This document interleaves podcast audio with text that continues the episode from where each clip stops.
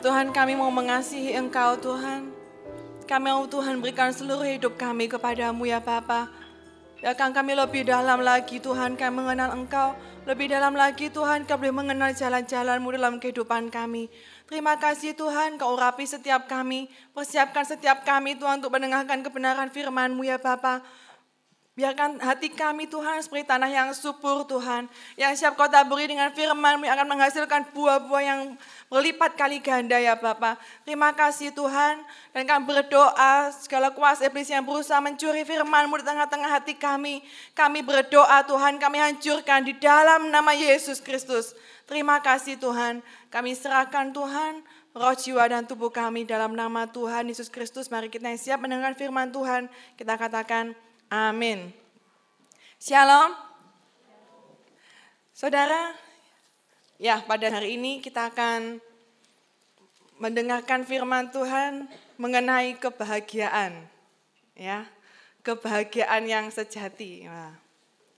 Siapa di sini yang ingin bahagia, saudara? Ada yang angkat tangan, berarti nggak kepingin ya? Kita semua pasti kepingin bahagia, bukan? Bukan, ya. Kita semua kepingin bahagia, saudara. Nah, dalam kehidupan kita, kita sudah merasakan bahagia atau belum, saudara? Apakah kita mungkin merenungkan dalam kehidupan kita sampai sekarang? Apakah kita merasakan itu yang namanya kebahagiaan? Nah, saudara, kebahagiaan itu memiliki beberapa arti, saudara ya. Ukuran kebahagiaan itu bermacam-macam bagi tiap orang. Jadi ada orang yang merasa dia bahagia apabila punya banyak uang, ya. Saya mau katakan, apa beda bahagia dengan senang?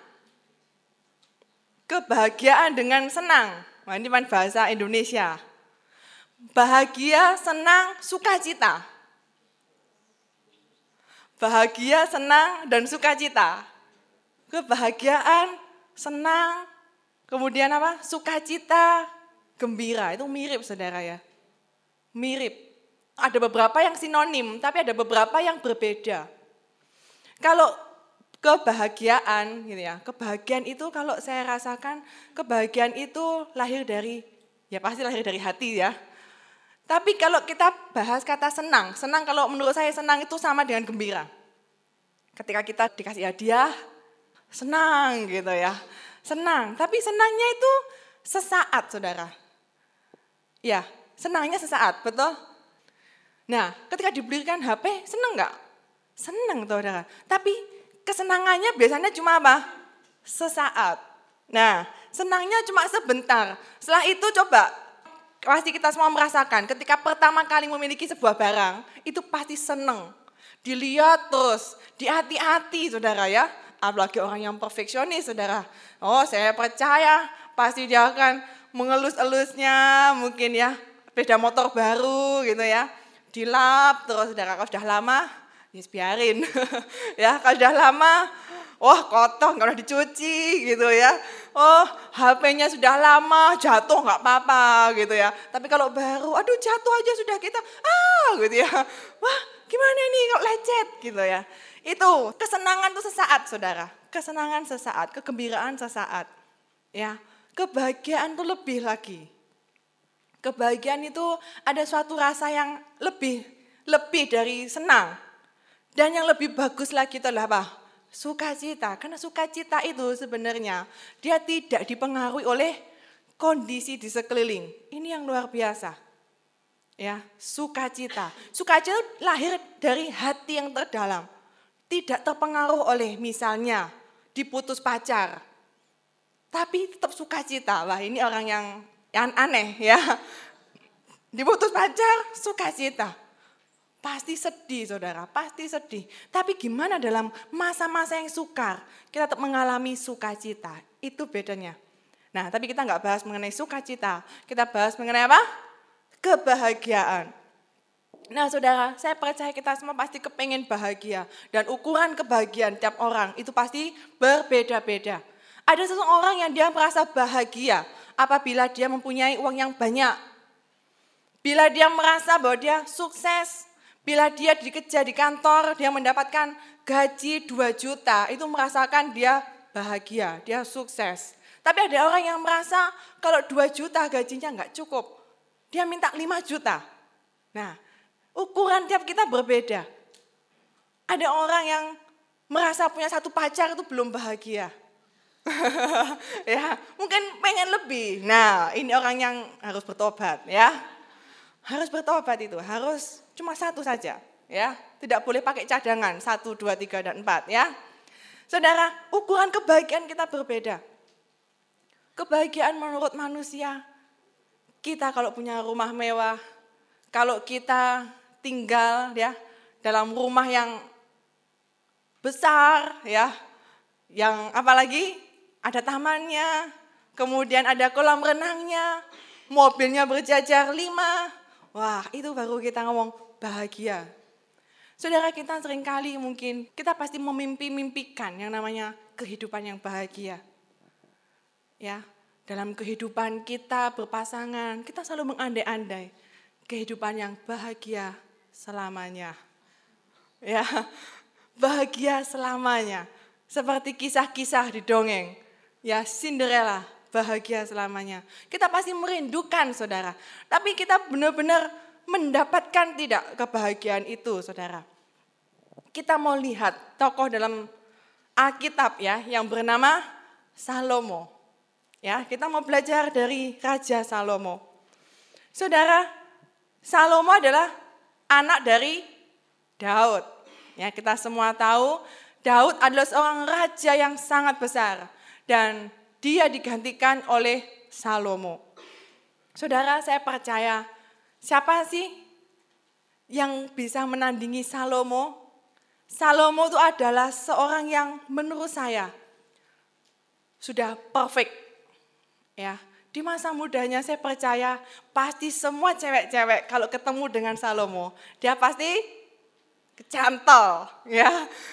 Ya, kalau seorang di sini yang ketemu dengan seorang yang seperti Raja Salomo, wah pasti cewek-cewek dia akan berusaha, wah Salomo aku pingin jadi istrimu gitu ya.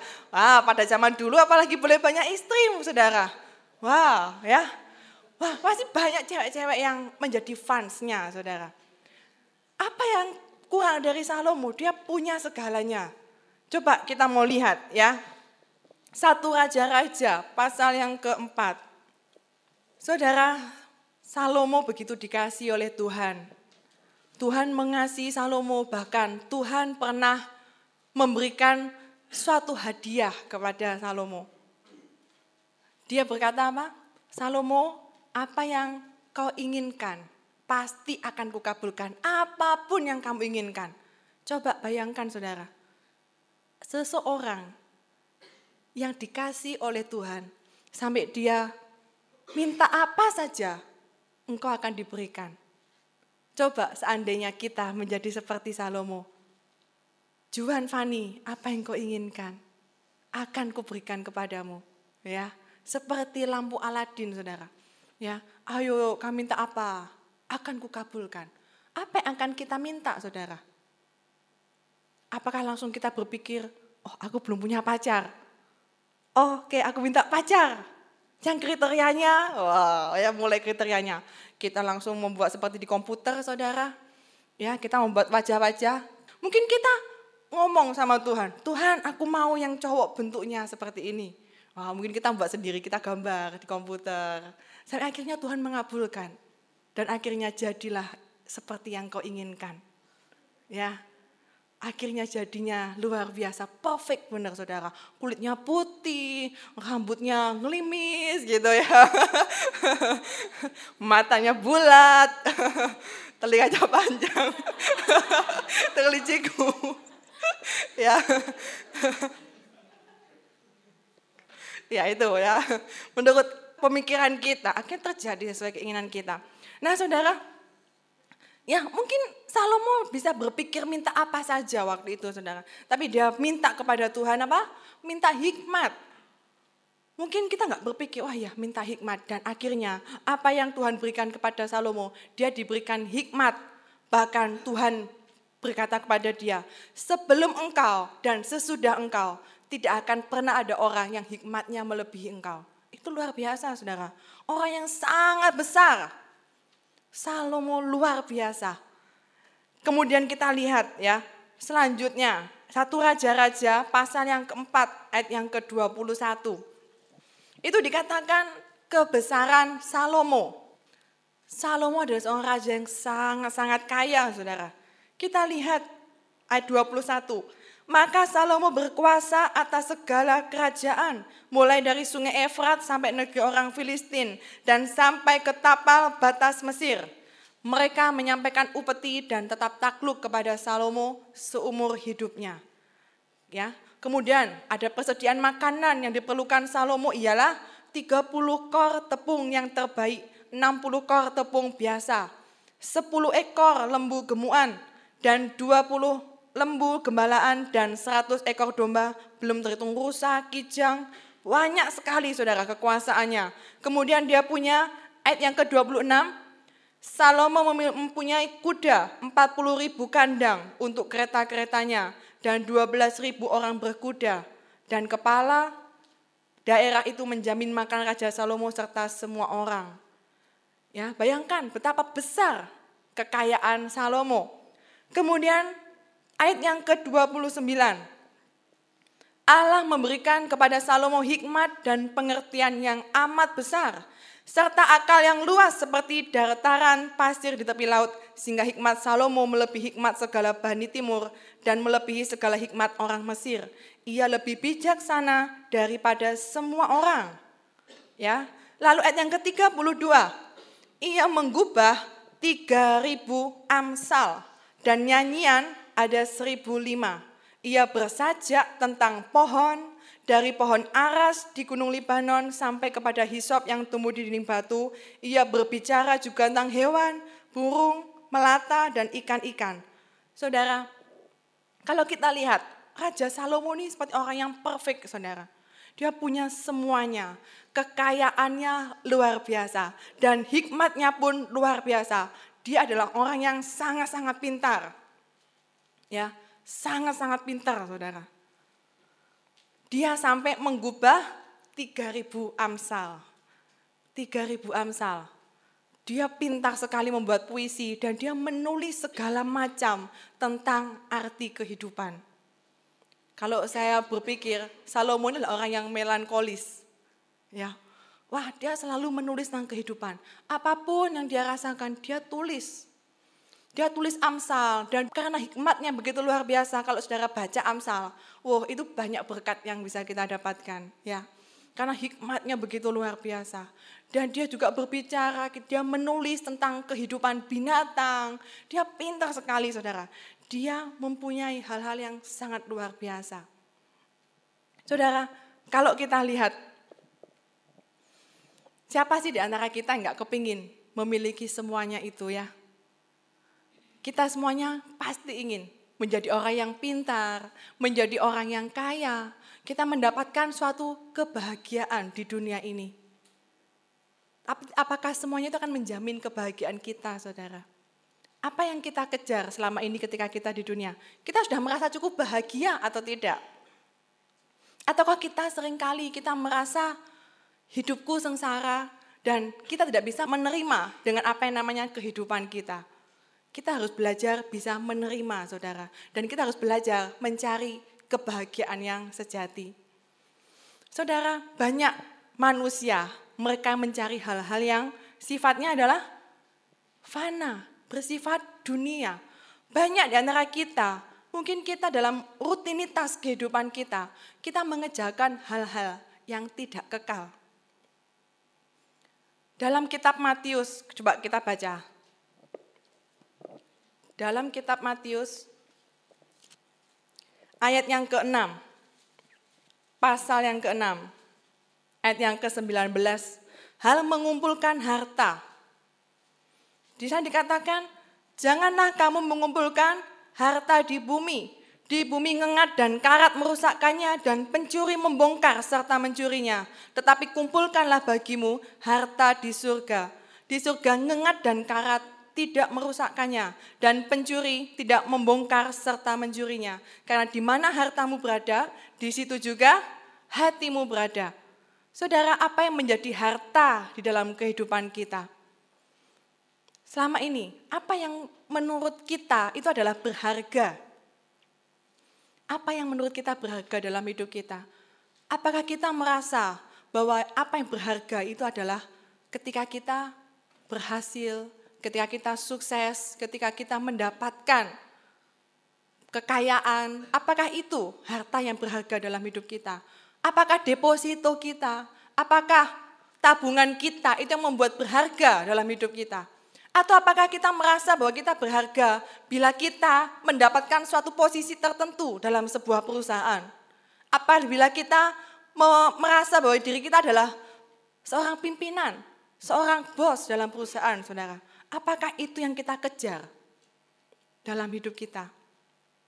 Atau apakah kebahagiaan kita, hal-hal yang berharga dalam hidup kita, kalau yang masih kuliah, bahwa engkau mendapatkan IP summa cum laude, 4, nol ya terakhirnya pasti ya.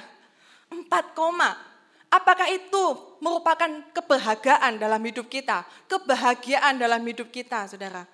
Saya percaya itu hanya merupakan sebuah kesenangan yang bersifat sementara. Mungkin kita akan bisa mendapatkan itu, saudara. Mungkin di sini ada yang mempunyai suatu ambisi tertentu. Engkau kepengen menjadi seorang bos yang besar. Engkau pengen menjadi seorang yang terkaya di dunia. ya, siapa di sini yang pengen menjadi terkaya di dunia? Ambisi yang sangat besar, saudara. Ya, aku akan memiliki dunia ini, memiliki segalanya. Saudara, itu mungkin ambisi-ambisi kita. Tetapi apakah kita akan mendapatkan kebahagiaan dari sana? Saudara, kita harus belajar mengerti bagaimana hukum kekekalan.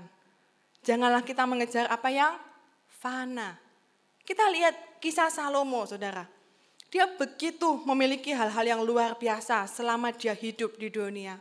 Tetapi kalau kita melihat bagaimana akhir dari hidup Salomo, ketika dia sudah tua, dia menulis kitab apa? Pengkhotbah.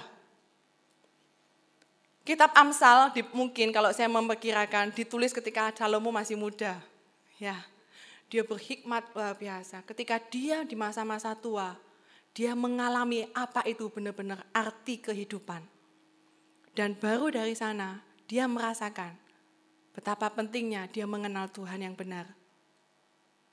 Saudara, di masa tua baru dia merasakan semuanya adalah sia-sia semua apa yang aku miliki, semua kekayaan, semua kebesaranku, semua bahkan hikmat yang aku miliki, yang bahkan tidak ada seorang pun yang menandingi hikmatku, itu pun semuanya adalah sia-sia.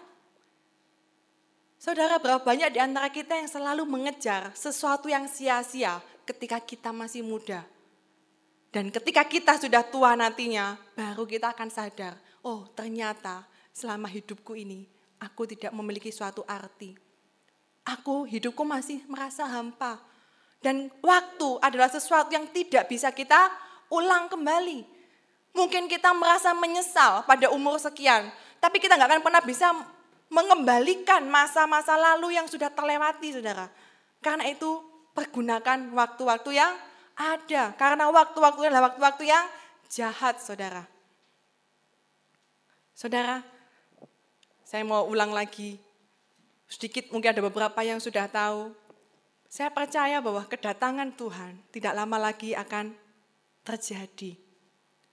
Ini tidak menakut-nakuti, walaupun memang dalam Alkitab, dalam firman Tuhan sering kali dikatakan, bertobatlah, kerajaan Allah sudah dekat, bertobatlah, dia mau datang. Tapi saya percaya bahwa ini memang waktunya sudah dekat. Dan apabila kita selalu mengejar hal yang sia-sia, saudara, ketika waktunya tiba nanti, kita akan menyesal. Dan waktu itu kita sudah tidak bisa kembali untuk bertobat. Kita tidak bisa kembali ke masa lalu. Dan mungkin kita berkata, Tuhan ampuni aku, kalau boleh izinkan aku kembali melakukan apa yang seharusnya aku lakukan. Dan waktu itu sudah waktu yang terlambat. Banyak hal yang sudah terjadi saudara di sekeliling kita dan saya percaya tanda-tanda zaman sudah mulai nyata. Tanda-tanda zaman sudah mulai nyata. Ya, ada beberapa mungkin di sini yang perlu tahu ya. Bahwa di sini ada yang pertama ya, ada diperkirakan menurut ramalan astrologi akan terjadi sesuatu ya di dunia ini. Akan terjadi tabrakan atau apa, saya kurang jelas. Intinya para astrologi memperkirakan bahwa hari kiamat, kalau mereka bicara mengenai kiamat, itu sekitar tahun 2012. Sekitar tiga tahun lagi. Ya, saya tidak tahu, itu menurut perkiraan mereka. Ya, silahkan mengejar semuanya. Ketika tabrakan terjadi, semuanya akan hilang saudara ya. Ketika duel gitu ya. Ini kalau sebayangan bayangan saya gitu ya karena saya nonton film mungkin ya. Oh ketika kita nyaman-nyaman, kita masih kuliah, kita kerja, kita mengejar semua ambisi kita, kita mengejar dunia ini. Dan ketika itu tabrakan tiba, duel. Goncangan terjadi ya, saya bayangkan film. Goncangan terjadi gelap gulita matahari ya seperti itu. Dan itu yang akan terjadi dan apakah arti hidup kita saudara? Ya, itu menurut ramalan, saya tidak tahu kapan Tuhan Yesus datang. Karena firman Tuhan tidak menyebutkan dan tidak ada seorang pun yang tahu. Beberapa hamba Tuhan juga mereka mengatakan bahwa Yesus tidak lama lagi akan datang. Saya nggak tahu 10 tahun lagi, 15 tahun lagi, atau 5 tahun lagi. Saya tidak tahu. Tapi sebaiknya kita mulai mempersiapkan hidup kita sebaik-baiknya. Mempergunakan waktu yang ada dengan baik saudara. Nah, saudara saya percaya waktu ini sudah dekat. Dan kita harus mencari sesuatu yang kekal. Kita berpikir mengenai kekekalan. Kita masih bisa menjalani kehidupan kita seperti biasa. Memang harus, dan kita harus kerjakan segala sesuatu dengan yang terbaik. Kalau kita bekerja, kita harus bekerja yang terbaik. Kalau kita melayani Tuhan, melayani yang terbaik. Di mana pun kita berada, kita kuliah, kerjakan yang terbaik saudara. Tapi ingat satu fondasi dalam kehidupan kita, kita harus mencari yang namanya kekekalan. Hidup di dunia ini cuma sementara. Kalau kita bayangkan, kehidupan di dunia ini paling lama cuma 70 tahun. Itu pun kalau Yesus datangnya masih 40, 70, berarti 40 tahun lagi. Itu anggap aja 40 tahun lagi. Paling lama itu ya. Paling lama Yesus misal datang 40 tahun lagi. Apa yang akan kita kerjakan selama kita di dunia? Karena setelah di dunia ini habis sudah akan terjadi masa-masa yang lain. Akan ada kerajaan seribu tahun, ada yang namanya kerajaan surga, di mana kehidupan kita lebih kekal dari yang sekarang. Hidup kita dunia nggak sampai 100, tapi di kerajaan seribu tahun ada berapa? Seribu tahun, sepuluh kali hidup kita di dunia. Ngapain aja saudara ya? Bayangkan ngapain aja itu kita. Setelah di kerajaan seribu tahun akan ada yang namanya kerajaan surga. Apalagi di sana kekal selama lamanya. Saya tidak pernah bisa membayangkan arti kata selama-lamanya. Artinya kamu di sana terus tidak akan pernah bisa berubah. Ya di sana terus saudara, selama-lamanya tanpa ada batas waktu. Saya tidak bisa membayangkan tanpa batas waktu seperti apa. Tidak ada kematian, tidak ada kesedihan, tidak ada kematian, tidak ada penderitaan saudara selama-lamanya. Itu bagi yang masuk surga. Bagi yang masuk di satunya, ya selama-lamanya juga. Selama-lamanya juga penderitaan selama-lamanya.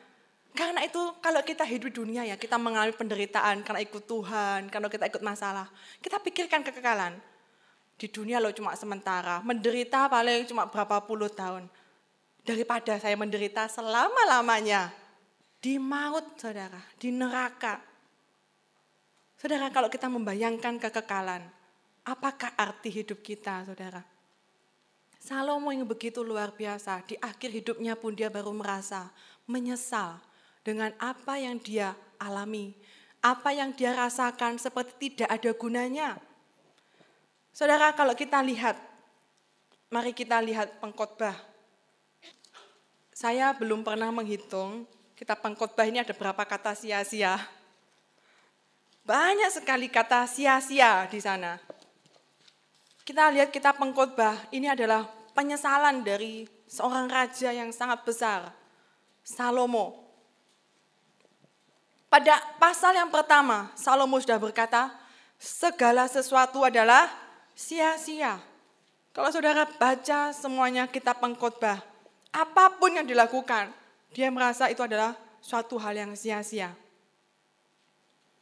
Dikatakan inilah perkataan pengkhotbah anak Daud, raja di Yerusalem. Artinya dia mau tekankan bahwa yang menulis ini adalah seorang raja yang besar. Tapi dia mau katakan kesia-siaan belaka. Apa gunanya manusia berusaha dengan jerih payah di bawah matahari? Keturunan yang satu pergi, keturunan lain datang, tetapi bumi tetap ada. Matahari terbit, matahari terbenam, lalu terburu-buru menuju tempat ia terbit kembali. Angin bertiup ke selatan, lalu berputar, dan dalam putarannya angin itu kembali. Selanjutnya ayat yang ke-8, segala sesuatu menjemukan, sehingga tak terkatakan oleh manusia. Mata tidak kenyang melihat, telinga tidak puas mendengar, dan seterusnya. Saudara, semuanya adalah kesia-siaan. Kalau kita lihat lalu perikopnya selanjutnya, pengejaran hikmat adalah sia-sia.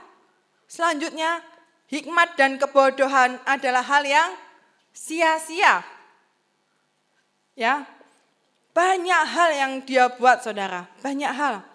Dia selalu merasa sia-sia. Ya, di sini banyak hal yang merasa dia sia-sia. Saudara, saya percaya kita tidak kepingin hidup kita sia-sia di dunia ini. Amin. Apa yang menyebabkan dia, seorang Raja Salomo, dia berkata bahwa hidupnya adalah sia-sia. Coba kita lihat pengkhotbah 7 ayat yang ke-8. Pengkhotbah 7 ayat yang ke-8. Ya, sebelumnya pasal 5 ayat ke-9 kesia-siaan kekayaan. Dia berkata, siapa mencintai uang tidak akan puas dengan uang, dan siapa mencintai kekayaan tidak akan puas dengan penghasilannya. Ini pun sia-sia. Semuanya sia-sia. Lalu apa yang membuat dia merasa sia-sia, saudara? Pasal 7 ayat yang ke-8. Akhir suatu hal lebih baik daripada awalnya. Itu ya, bagian A. Akhir dari suatu hal itu adalah lebih baik daripada awalnya. Saudara, Tuhan melihat kita, Tuhan sangat mengasihi kita, dan Tuhan selalu melihat akhirnya. Di dalam pertandingan, di dalam suatu perlombaan, ya, perlombaan lari, kita mungkin melalui stat yang berbeda ataupun stat yang sama. Mungkin ketika kita melakukan stat, kita begitu bergairah. Ketika kita mengalami stat mengikut Tuhan, mungkin kita semangat saudara, kita berlari begitu kencang. Saya percaya ada beberapa trik beberapa orang pelari yang kurang mengerti trik menurut saya. Karena saya dulu kalau lomba lari di sekolah SMA, pertama-tama larinya apa? Kencang saudara. Pertama larinya kencang, terutama kalau jarak jauh. Nah kalau lari kencang, lama-lama jadi apa? Capek, saudara. Kalau mungkin tips untuk lari jarak panjang, larinya stabil tapi kuat, saudara. Nahan nafas ya, harus belajar, latihan. Nah, kalau kita dalam berlari, kalau jarak pendek memang harus cepat, saudara. Cet, lari gitu ya. Nah, ketika lari, biasanya kita awalnya cepat, tapi kadang-kadang ketika kita belum mencapai finish, kita sudah capek dan akhirnya kita tidak bisa mencapai garis akhir. Saya mau ingatkan kembali bahwa akhir, finish itu adalah lebih penting daripada awalnya. Ya, finish lebih penting daripada awalnya. Mungkin kita pernah mengawali segala sesuatu. Kitab Galatia berkata, masakan engkau sebodoh itu? Tapi nadanya nggak seperti ini saudara. Ya, marah Paulus waktu itu. Masakan engkau sudah mengawali dalam roh tapi mengakhirinya di dalam daging. Saudara, akhir lebih penting daripada awalnya. Mungkin ketika kita lahir baru, kita mempunyai semangat yang berkobar-kobar untuk Tuhan. Kita mempunyai visi untuk Tuhan. Ya, beberapa waktu lalu kita ada saya KTB dengan beberapa orang dan saya cerita ketika engkau mengalami lahir baru, ketika engkau cinta mula-mula sama Tuhan. apa yang terjadi dalam hatimu. Saya percaya ketika kita mengalami cinta mula-mula sama Tuhan, pasti ada sesuatu yang berbeda. Kecuali bagi kita yang belum pernah mengalami, ya. Ketika saya mengalami cinta mula-mula sama Tuhan, ketika saya pertama kali saya disentuh oleh Tuhan, saya menjadi orang Kristen sudah, sudah lama, melayani Tuhan sudah lama. Saya sejak kecil saya sudah sekolah minggu, SMP saya sudah jadi guru sekolah minggu, SMA saya melayani Tuhan, tetapi saya belum mengenal Tuhan secara pribadi. Baru saya SMA, saya mengenal Tuhan secara pribadi. Dan detik itu saya percaya ada suatu perubahan dalam diri saya. Fokus hidup saya mulai berubah 180 derajat. Yang dulunya saya selalu kepengen yang namanya kekayaan, selalu kepengen hal-hal duniawi. Sejak saya kenal dengan Tuhan, saya mulai berpikir hal-hal yang rohani. Mulai berpikir hal-hal yang kekal, saudara. Dan saya mulai ada gairah. Tuhan, saya mencintaimu, saya mengasihimu. Apa pun yang kau inginkan, aku akan lakukan. Saudara, dan waktu itu muncul impian-impian, muncul suatu visi, muncul suatu mimpi ke depan. Aku ingin seperti ini. Aku ingin menjadi seperti ini. Tapi saya percaya, tiap kita punya panggilan tertentu, saudara. Dan itu sudah Tuhan tanamkan, mungkin sejak engkau masih kecil. Fokus-fokus kita adalah fokus hal yang rohani, saudara, ketika kita mencintai Tuhan. Tetapi dalam perjalanan hidup kita, sering kali dalam kita berlari menuju panggilan Tuhan, berlari menuju rencana Tuhan, pasti banyak godaan-godaan, saudara. Banyak sekali godaan-godaan. Dan bagaimana akhir hidup kita nantinya, itu akan Tuhan lihat. Raja Salomo, dia mungkin sudah mengawalinya dengan roh. Dia begitu mencintai Tuhan, saya percaya. Kitab Raja Salomo ditulis dalam Alkitab, di awal-awalnya, itu sungguh hal yang luar biasa.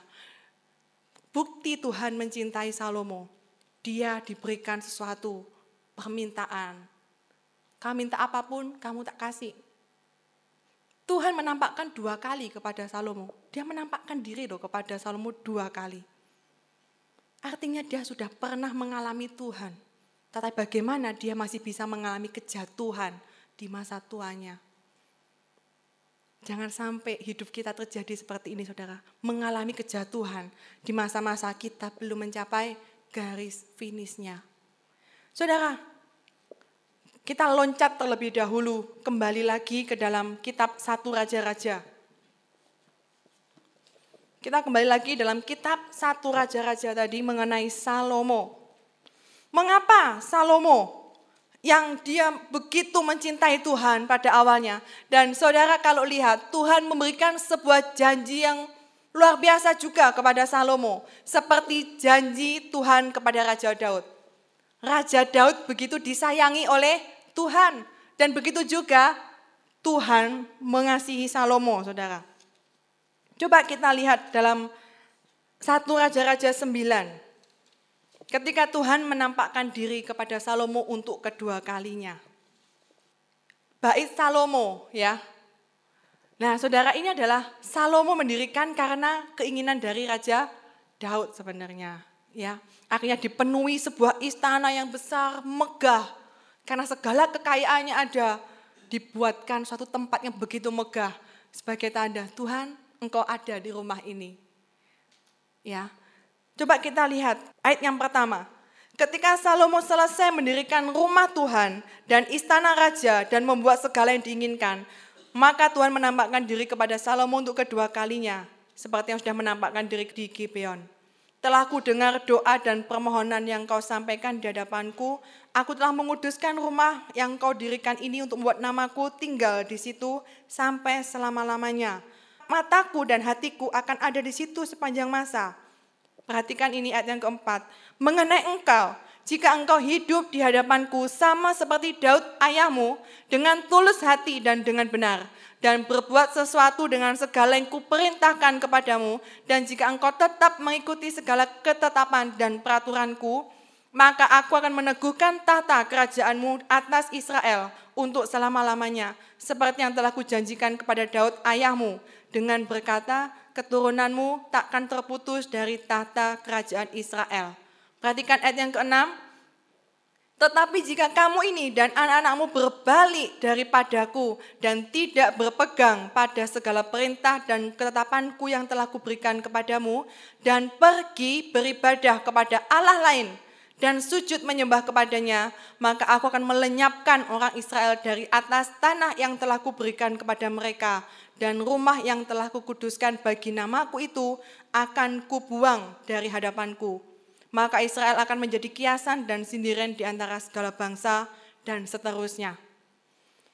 Saudara, Tuhan selalu mempunyai perjanjian buat kita. Tiap kita mempunyai perjanjian abadi sama Tuhan. Masing-masing kita pasti punya suatu ikatan perjanjian sama Tuhan. Demikian juga ketika Tuhan mempunyai perjanjian dengan Raja Salomo. Janji Tuhan itu selalu bersyarat. Kasih Tuhan tidak bersyarat, dia tetap mengasihi Salomo, tapi janji Tuhan bersyarat. Kalau engkau tetap teguh berpegang pada kehendakku, engkau akan kubuat seperti Daud. Tetapi jika engkau berbalik dari kehendak dan perintahku, engkau sujud menyembah kepada Allah lain, maka kerajaan Israel akan lenyap, saudara. Dan kalau kita lihat sejarahnya, akhirnya bangsa Israel terpecah. Ya, tapi karena Tuhan masih mengasihi Daud. Dia selalu mengingat Daud. Apa beda Daud dengan Salomo, saudara? Apa beda Daud dengan Salomo? Padahal kalau kita lihat selanjutnya, ya, sebelumnya kita lihat pasal yang ke-11. Salomo jatuh ke dalam penyembahan berhala. Kok bisa jatuh dalam penyembahan berhala saudara? Padahal Tuhan sebelumnya sudah menampakkan diri. Dan dia sudah memberikan suatu peringatan-peringatan kepada Salomo. Tapi Salomo masih tetap melakukannya. Mungkin Salomo tidak sadar saudara ketika dia melakukan. Coba kita lihat, adapun Raja Salomo mencintai banyak perempuan asing. Di samping anak Firaun yang mencintai perempuan Moab, Amon, Edom, dan seterusnya. Padahal menurut Tuhan sudah berfirman pada orang Israel, janganlah kau bergaul dengan mereka. Dan mereka pun jangan bergaul dengan kamu. Sebab mereka akan mencondongkan hatimu kepada Allah-Allah mereka. Hati Salomo telah terpaut kepada mereka dengan cinta. Ia mempunyai 700 istri dari kaum bangsawan dan 300 gundik. Istri-istrinya itu menarik hatinya daripada Tuhan. Saudara, awal dari kejatuhan manusia itu bukan ketika dia sedang berbuat dosa. Awal kejatuhan manusia adalah ketika dia tidak lagi berpaut hatinya kepada Tuhan. Daud, dia adalah seorang yang dikasih Tuhan dan dia juga pernah berbuat dosa. Dia juga pernah berbuat dosa. Tetapi apa bedanya Daud dengan Salomo? Daud hatinya tetap melekat kepada Tuhan. Ketika dia berbuat dosa, saudara tahu ketika dia ditegur, ketika dia benar-benar merasa menyesal, dia langsung bertobat dan dia benar-benar penyesalan yang sesungguhnya saudara. Dan dia punya hati yang tetap melekat kepada Tuhan. Sehingga Tuhan punya perjanjian abadi dengan Daud. Karena itu dia selalu berkata kepada kalau kita lihat Tuhan berkata dalam firman Tuhan, seperti anakku Daud, seperti anakku Daud. Dia selalu berkata seperti itu. Artinya apa? Daud selalu diingat-ingat oleh Tuhan. Daud ada di hati Tuhan. Saudara, tetapi Salomo, dia tidak sungguh-sungguh melekat kepada Tuhan. Perhatikan, walaupun dia sudah pernah mengalami Tuhan, walaupun dia sudah pernah ketemu dengan Tuhan secara pribadi dua kali, dia bahkan ngomong-ngomong sama Tuhan.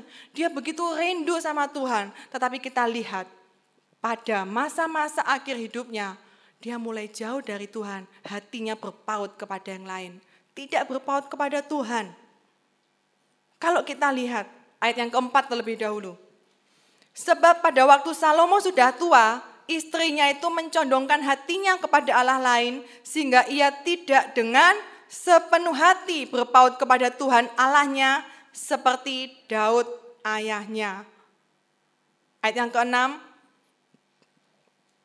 dan Salomo melakukan apa yang jahat di mata Tuhan, dan ia tidak dengan sepenuh hati mengikuti Tuhan, seperti Daud ayahnya. Selalu dikatakan seperti itu, saudara. Tidak dengan sepenuh hati mengikut Tuhan. Saudara, saya rindu setiap kita kita menyelesaikan pertandingan kita sampai akhir. Kita setia sampai akhir. Dan kita benar-benar bisa meraih apa yang seharusnya Tuhan janjikan dalam hidup kita. Saya percaya sejarah akan berbeda jika Salomo mengikuti Tuhan dengan sepenuh hatinya. Dia tidak akan menulis kitab pengkhotbah mungkin. Karena dia benar-benar merasa bahwa hidup bersama dengan Tuhan itu sungguh luar biasa. Dia tidak akan benar-benar merasakan penyesalan yang luar biasa dalam hidupnya. Kita tidak akan pernah kepinginkan kita mengalami hal itu di masa tua atau di masa kedatangan Tuhan, kita sempat tua atau tidak, ya. Ketika di masa Tuhan datang dan kita baru merasa, Tuhan aku menyesal. Kenapa? Kita tidak mengikuti Tuhan dengan sepenuh hati. Dan kalau kita lihat, Tuhan begitu murka dengan Salomo, saudara. Ayat yang ke-9, Tuhan menunjukkan murkanya kepada Salomo sebab hatinya menyimpang dari Tuhan Allah Israel yang telah dua kali menampakkan diri kepadanya dan telah memerintahkan kepadanya dalam hal ini supaya jangan mengikuti Allah lain tetapi ia tidak berpegang pada yang diperintahkan Tuhan. Saudara, Allah lain dalam hidup kita itu apa? Mungkin kita punya Allah-Allah lain dalam kehidupan kita, saudara. Mungkin bagi Salomo di sini Allah lainnya bukan kekayaan. Tetapi adalah istri-istri yang cantik. ya Seribu orang wanita ya yang menjadi pendamping hidupnya, itu yang menjatuhkan dia, yang menjadikan berhala dalam hidupnya. Hatinya mulai condong kepada istri. Dia mencintai istrinya lebih daripada mencintai Tuhan. Berhala artinya adalah kita mencintai sesuatu lebih dari Tuhan. Apa yang kita cintai saat ini lebih dari Tuhan? Apa yang kita kejar hari-hari ini lebih daripada Tuhan? Itulah yang akan menjadi berhalamu dan akan membawa kejatuhan dalam hidup kita. Saudara, saya tidak berharap satupun kita di tempat ini akan mengalami nasib seperti Salomo. Mengenai penyesalan di masa tua di masa akhir hidup kita. Saya rindu kita semua benar-benar menyelesaikan pertandingan kita sampai akhir. Amin. Saudara, saya percaya ketika waktu-waktu kedatangan Tuhan ini, kita mau gunakan waktu kita dengan baik. Kita mau selesaikan tugas kita. Apa tugas kita, saudara? Apa kegerakan Tuhan di akhir zaman ini? Kita rindukan adanya suatu kebangunan rohani. Sebelum Yesus datang kedua kali, saudara, mari kita mau persiapkan. Kita mau siapkan jalan, saudara, menyiapkan kedatangan Tuhan. Karena saya percaya Yesus berkata, aku akan datang ketika mereka sudah mendengarkan Injil Kristus. Ya. Waktunya akan dipercepat. Dan siapa yang mempercepat kedatangan Tuhan? Itu kita semua.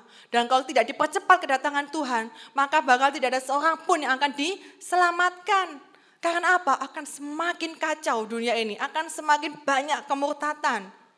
Karena itu harus kita harus mempertebal iman kita saudara kepada Tuhan. Kita harus memperkuat iman kita kepada Tuhan. Mencintai Tuhan lebih dari semuanya. Kita harus berfokus pada hal-hal yang rohani. Apa yang bisa aku lakukan untuk kegerakan Tuhan? Pada waktu engkau masih cinta mula-mula pada Tuhan, ketika engkau awal-awal mencintai Tuhan, apa yang terbesit dalam pikiranmu? Mungkin kita berkata, Tuhan aku berikan seluruh hidupku untuk engkau. Lalu engkau berpikir seperti apa saudara? Memberikan dalam bentuk seperti apa? Mungkin ada yang berpikir, aku pengen jualan roti, ya nginjili orang dari jualan roti itu. Nah, itu mungkin visi yang Tuhan berikan. Atau aku akan menginjili lewat apa? Tulisan-tulisan, lewat komik, lewat majalah.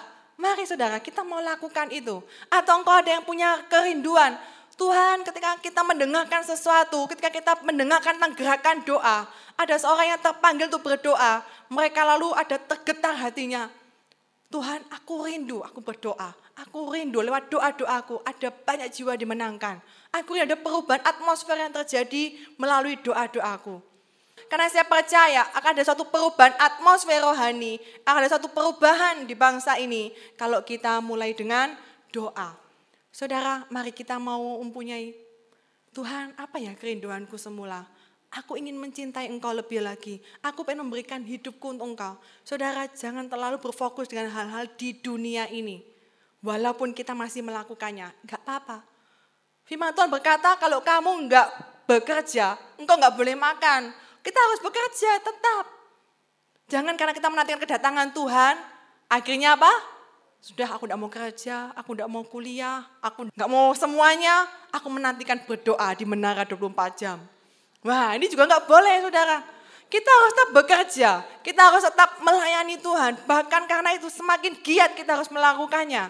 Menanti kedatangan Tuhan. Saya rindukan kita semua bisa terlibat di dalamnya. Terlibat dalam kegerakan Tuhan. Karena inilah tujuan kita hidup saudara. Jangan sampai ketika Tuhan Yesus datang dan Tuhan berkata, apa yang sudah kau lakukan? Kau nggak lakukan apa-apa dan kau juga tidak memberikan hatimu total sama Tuhan. Selain kau melakukan sesuatu, yang terpenting juga hatimu harus tetap mencintai Tuhan. Jangan sampai kita melakukan kegerakan tanpa cinta.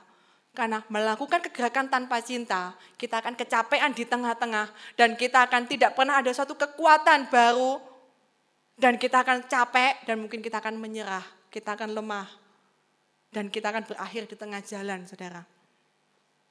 Amin. Mau jemaat Tuhan kita terlibat untuk kegerakan Tuhan. Saya rindu kita semua di tempat ini yang mempunyai visi, yang tujuh voice kita akan tetap lakukan. Dan saya rindu kita semuanya terlibat aktif dan apa pun profesi kita, apa pun yang kita lakukan, kita bekerja, mungkin kita sedang belajar, kita sedang apa pun yang kita lakukan, kita mau fokus, Tuhan aku mau lakukan ini seperti untuk engkau, bukan untuk manusia, karena aku mencintai engkau. Amin. Ayat yang terakhir saudara, Filipi 3, ayat yang ke-7. Nah ini ayat kesukaan saya. Ayat yang begitu radikal. ya. Filipi 3 ayat yang ke-7, tetapi apa yang dahulu merupakan keuntungan bagiku, sekarang kuanggap rugi karena Kristus. Malahan segala sesuatu kuanggap rugi karena pengenalan akan Kristus, Yesus Tuhanku, lebih mulia daripada semuanya. Oleh karena dialah aku telah melepaskan semuanya itu dan menganggapnya sampah supaya aku memperoleh Kristus. Amin. Ayat selanjutnya yang terakhir ayat yang ke-12 sampai 13. Bukan seolah-olah aku telah memperoleh hal ini atau telah sempurna, melainkan aku mengejarnya. Kalau-kalau aku dapat juga menangkapnya, karena aku pun telah ditangkap oleh Kristus Yesus. Saudara-saudara, aku sendiri tidak menganggap bahwa aku telah menangkapnya, tetapi ini yang kulakukan Aku melupakan apa yang telah di belakangku dan mengarahkan diri kepada apa yang di hadapanku dan berlari kepada tujuan untuk memperoleh hadiah yaitu panggilan surgawi dari Allah dalam Kristus Yesus. Amin. Saudara, mari kita mau lakukan firman Tuhan ini. Apa yang dahulu mungkin merupakan kesenangan bagi kita, yang merupakan kebahagiaan buat kita, tapi mungkin adalah kebahagiaan yang semu. Kebahagiaan yang semu, saudara. Tapi kita mau benar-benar kita memperoleh Kristus. Karena saya percaya ketika kita mendapatkan Yesus, kita lupa sama yang lain. Saudara, ketika kita mendapatkan Tuhan Yesus, kita akan lupa sama yang lain. Karena ketika kita mendapatkan Yesus, kita sudah mendapatkan semuanya. Amin. Tapi ketika kita mungkin mendapatkan isi dunia ini, dan kau tidak pernah kenal dengan Tuhan Yesus, semuanya adalah sia-sia. Karena itu kita mau berlari, kita berlari kepada tujuan untuk memperoleh hadiah yaitu panggilan surgawi dari Tuhan. Amin. Mari kita berdoa. Terima kasih Tuhan. Kau lembutkan Tuhan setiap hati kami yang telah mendengarkan firman-Mu ya Bapa. Engkau jagai setiap hati kami Tuhan untuk kami tetap berjalan sesuai dengan jalur yang Engkau tetapkan buat kami ya Tuhan. Tuhan, bahwa setiap hati kami mencintai Engkau. Kau ingatkan kami di tempat ini Tuhan.